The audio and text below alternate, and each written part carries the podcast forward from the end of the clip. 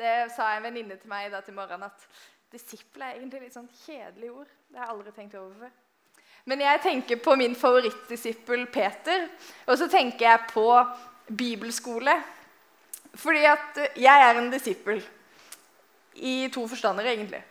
Den ene er at eh, jeg tror på Jesus. Jeg tror på eh, Guds ord. Jeg tror på det som blir sagt om han og det han sa. Og så gikk jeg på Ansgar bibelskole på disippellinja. Så derfor er jeg en disippel pga. det også. Og på den linja så lærte vi veldig mye om det å være disippel. Det jeg ikke klarte å få lært i løpet av det året, var hvordan du skriver ordet disippel. For på den ene måten så skal du ha to p-er, og så skal du ha én p, og så blir jeg så forvirra på når, den, når, det skal være én p, og når det skal være to p-er. Så du kan bare tenke deg hvor mye jeg har klussa når jeg skriver denne talen her, hvor hovedtemaet er disippel. Det er ikke få ganger jeg skriver det ordet. Men jeg, selv om jeg lærte mye om eh, å være disippel på bibelskolen, så er jeg ganske sikker på at det er absolutt ingen skoler som noen gang kan lære oss så mye om å være disippel som det Bibelen kan. Og Derfor tror jeg det er så sykt viktig at Touchpoint har denne taleserien her, hvor man faktisk går inn i Bibelen og man går inn i hva vil det si å være en disippel, og hvordan kan det se ut i dag. Og jeg skal tale ut ifra 2. Timoteus Oi sann, det var litt langt. Der. Og det var litt langt tilbake. Sånn. 2. Timoteus kapittel 2. Og dere skal slippe å høre meg lese hele kapittelet. Eh, men jeg kommer til å gå gjennom tre punkt som befinner seg i starten av kapittelet, i midten av kapittelet og mot slutten av kapittelet. Så vi går nesten gjennom hele kapittelet, eh, men ikke ord for ord. Men les det når du kommer hjem, for det er sykt, sykt bra. Og Paulus han skriver dette her brevet til Timoteus, som på mange måter er Paulus sin disippel. Han er Paulus sin læregutt, Paulus sin lærling. Og hvis du er her og er lærling, eller har vært lærling, så vet du litt hva det går i. ikke sant? Du blir lært opp, og du blir utrusta til å stå sterkere i den tida som kommer foran, uansett hva det er for noe. Og Paulus han sitter i fengsel mens han skriver dette brevet, og veldig mye tyder på at han tenker at nå går livet mot en slutt. Livet er snart over. Og ikke over i den forstand som en tenåringsjente som har fått vite at crushet ikke liker henne tilbake. Det er ikke sånn 'Å, livet er over'. Vi er ikke der men at livet faktisk er snart over 100% bokstavelig. Han tror ikke han kommer til å overleve denne runden i fengsel. Han tror at det går mot slutten. Og Allikevel så starter han kapittel 2 med en oppmuntring til Timoteus. En oppmuntring som Paulus egentlig har fått før til seg sjøl, men nå som han gir videre til Timoteus. Han sier, 'Vær da sterk, mitt barn, ved nåden i Kristus Jesus.' Og det er noe fint med det, den oppmuntringa der. Har du noen gang fått høre at 'Åh, du er så sterk'? Kanskje du har gått gjennom noe tungt, kanskje du har strøket på en eksamen, eller kanskje du har mista noen i nær relasjon, gått gjennom et brudd. Kanskje du har det skikkelig, skikkelig dårlig. Og så er det noen som kommer til deg og så sier de, 'Du er så sterk'. At du fortsatt står rak i ryggen etter alt det du har vært igjennom. Du er sterk, du. Og så er jo det en fin oppmuntring å få, men den styrken der hviler liksom på mine skuldre. Den styrken der er liksom noe jeg har klart sjøl. Og det er ikke det Paulus sier her. Paulus eh, sier ikke 'bra jobba, kompis', dette her får du bra til, vær sterk'. Han sier ikke det, han kommanderer nærmest. Vær sterk for det første. Og for det andre så sier han 'mitt barn'. Han sier det med en omsorg og en kjærlighet. Og så kommer det til den beste delen helt til slutt, for han sier 'vær sterk, mitt barn, ved nåden' i Kristus Jesus. Han sier ikke 'vær sterk ved deg sjøl'. Vær sterk i din egen liksom, styrke og kraft, for dette klarer du. Nei, du trenger nåden i Kristus Jesus. Det er det som gjør deg sterk. Timoteus vet at hans styrke hviler ikke på han selv, hans styrke kommer fra Jesu nåde. Og den er evigvarende. Tenk det å kunne hvile i det. Tenk å kunne hvile i at det er ikke jeg som liksom skal være sterk nok i lidelsene mine. Ikke, eh, kraften min er ikke avhengig av dagsformen min, den er ikke avhengig av humøret mitt eller hvor sterk jeg er rent fysisk. Det er avhengig av Guds nåde, som aldri går tom og aldri forsvinner. Og Timoteus han skal fortsette å være sterk i Jesu nåde. Det får han liksom oppmuntringa fra Paulus. Og Paulus vet hva han snakker om. For i sine lidelser litt tidligere så hadde Gud møtt han i et syn. Og så sier eh, Gud til Paulus det som vi hørte innledningsvis, at 'min nåde er nok for deg, for kraften fullendes i svakhet'. Og det samme, noe av det samme sier han til Timoteus. Og Det gjør at Timoteus kan liksom hvile i den sannheten. Han kan hvile i nåden mens han står på i tjenesten, og mens han kanskje møter lidelser for Herren. Eh, for det å være en disippel, en Jesu disippel, det kan koste. Og Paulus han er så tydelig på at vi skal bære lidelsene som gode stridsmenn for Herren. Og Vi skal gå mer inn på hva det vil si. Men først vil jeg snakke om hvordan kan disse lidelsene se ut i dag. For Selvfølgelig kommer det an på hvilket land du er fra, hvordan, eh, hvordan familie du er oppvokst i, og sånne ting. Men hvordan kan disse lidelsene se ut i dag?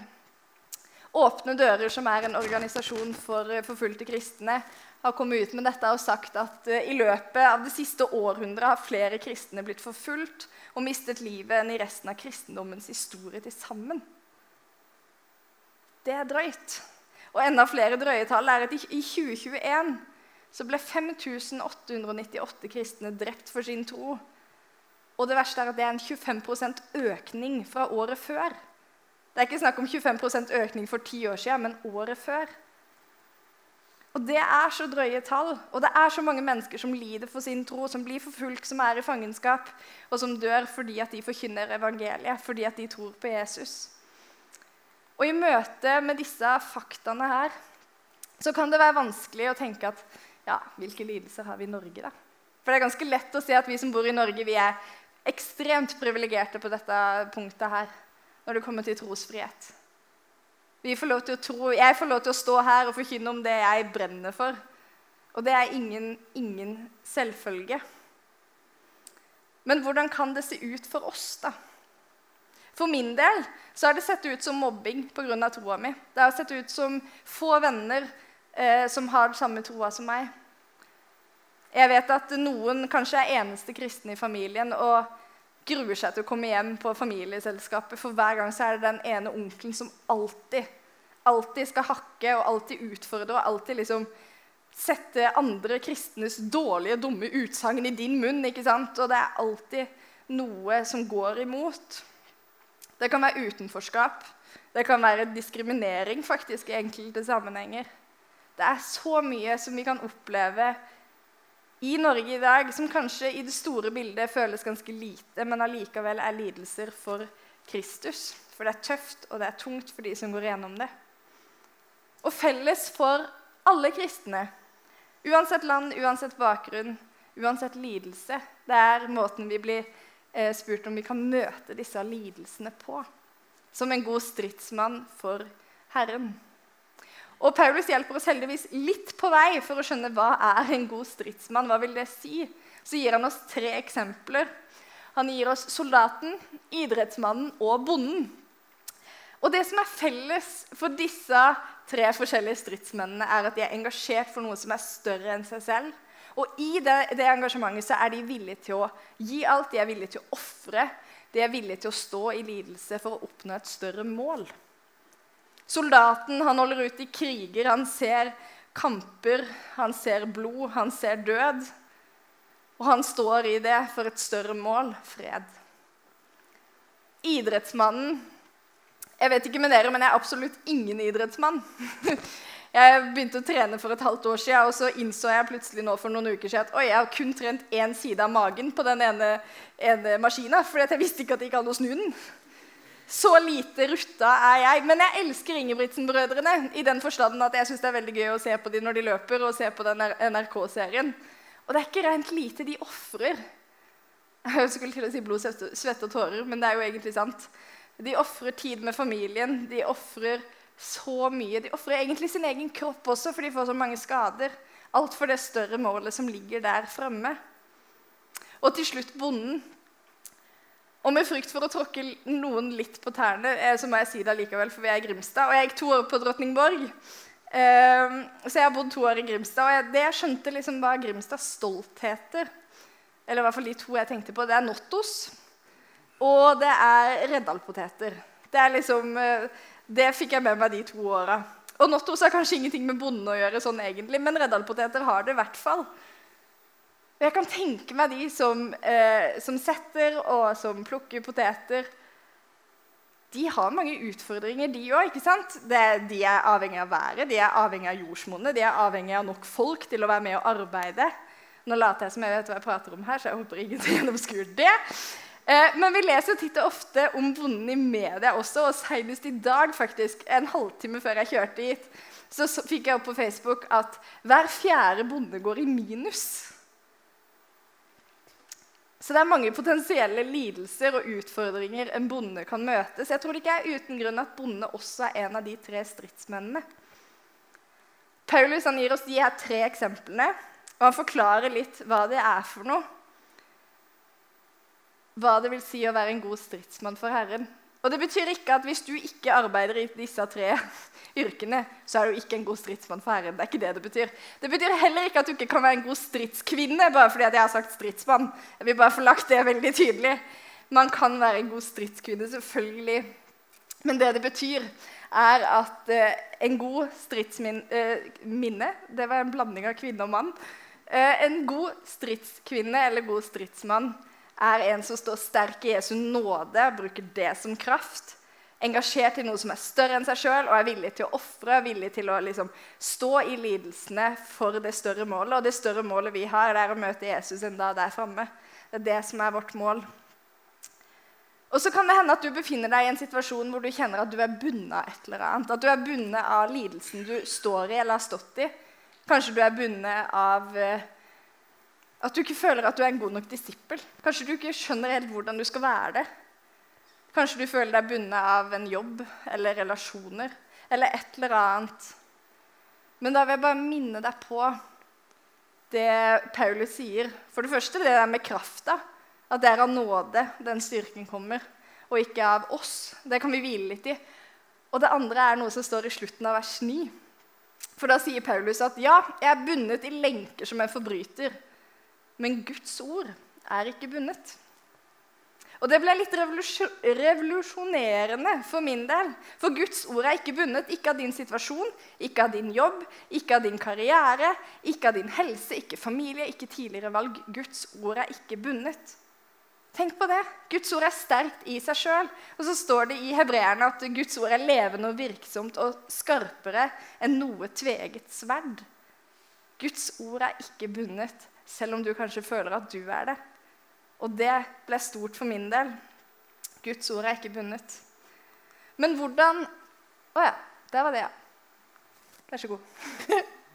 Men hvordan kan vi være en disippel i alt dette her, i lidelser, i utfordringer? Jeg har lyst til å ta dere med til slutten av, kapittel, eh, slutten av kapittelet, vers 22 26. Legg ungdommens begjær bak deg og jag etter rettferd, tro, troskap, eh, kjærlighet og fred, sammen med andre som kaller på Herren av et rent hjerte. Men tåpelige diskusjoner som ingen lærer noe av, skal du avvise, for du vet at de skaper strid. En Herrens tjener må ikke ligge i strid, men være vennlig mot alle, dyktig til å undervise, villig til å tåle ondt, så han ydmyk viser til rette den som sier imot. For kanskje vil Gud en gang gi dem å vende om, så de lærer sannheten å kjenne. Da kan de våkne av rusen og komme seg ut av djevelens snare, hvor de holdes fanget, så de kan gjøre hans vilje. Det er ganske massive vers.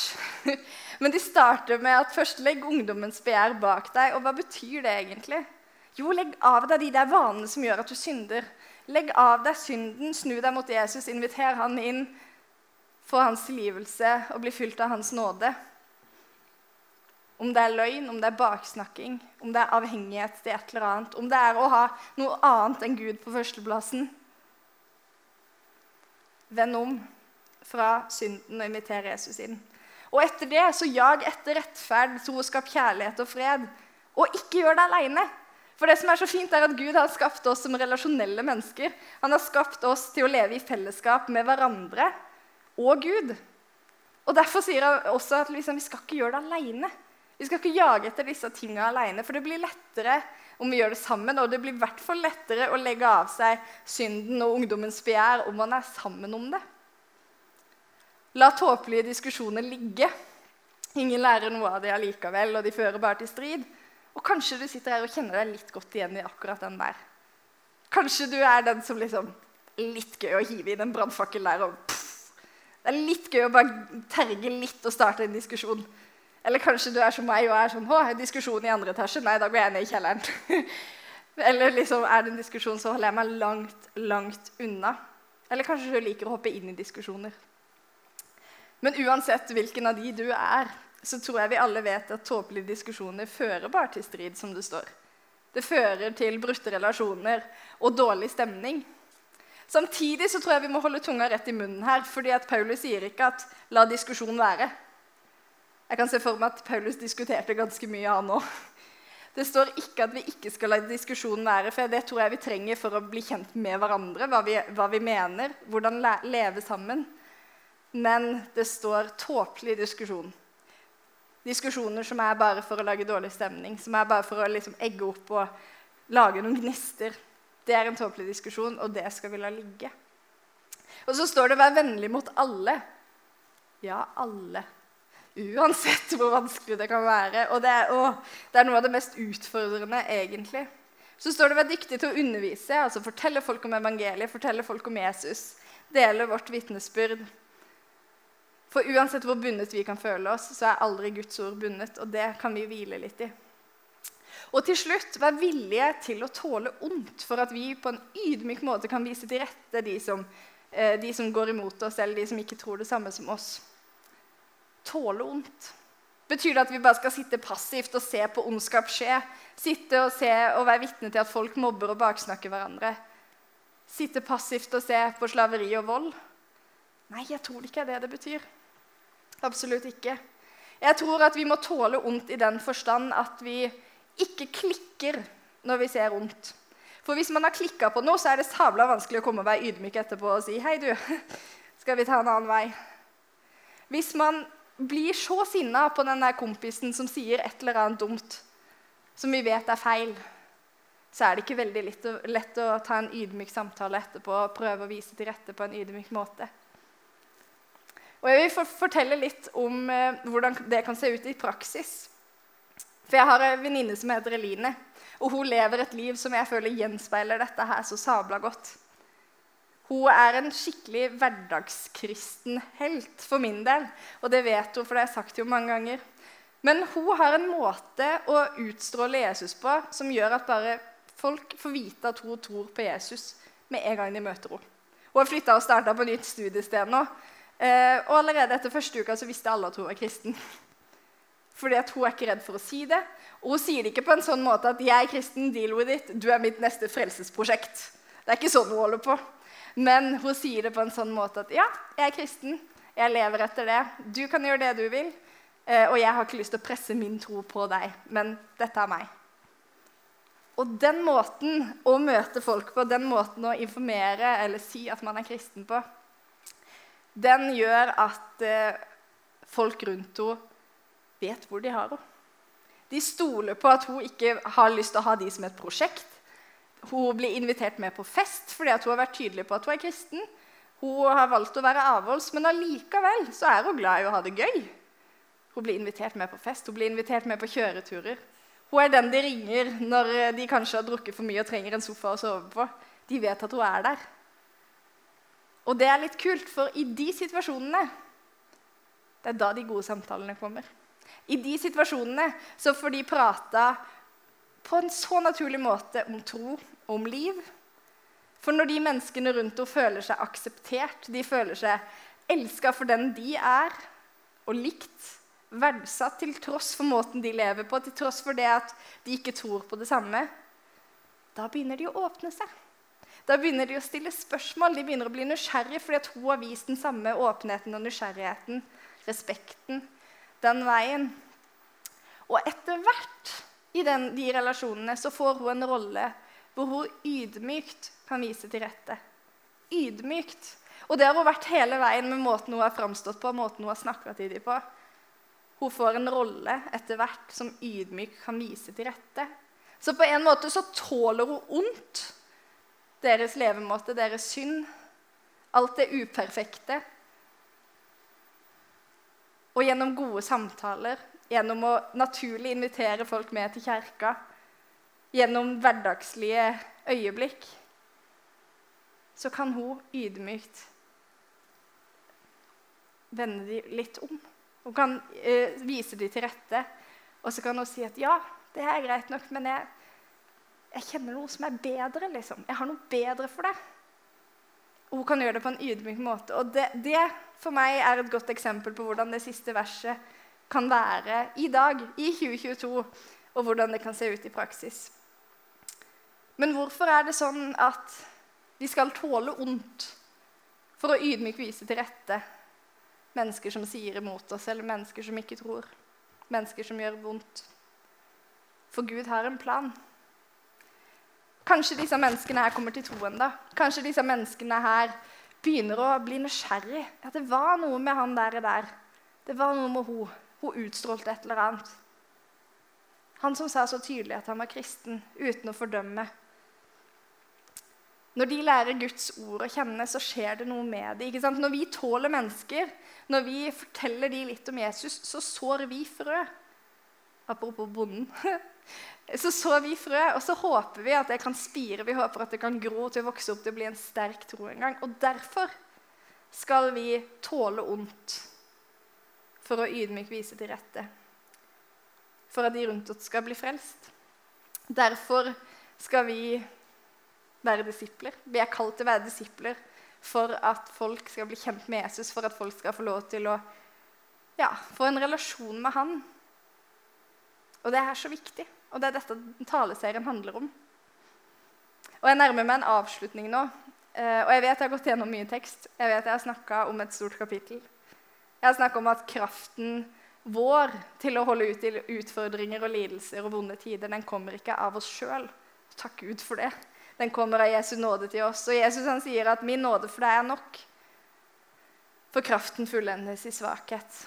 2. Korinter 12, 9. For det å følge Jesus det kan koste. Og det kommer til å se forskjellig ut for forskjellige situasjoner og forskjellige mennesker. Men med Hans nåde så er vi utrusta til å takle det. Vi er utrusta til å stå stødig i stormen. Vi er utrusta til å holde ut i disse lidelsene.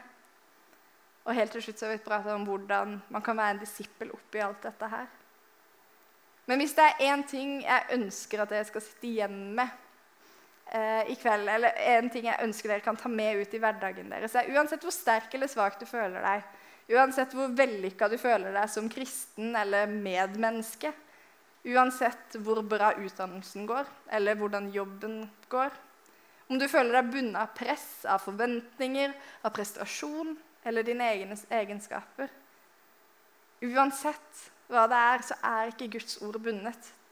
Guds ord er levende og virkekraftig og skarpere enn noe tveget sverd. Det er ikke avhengig av noe. Det er fritt.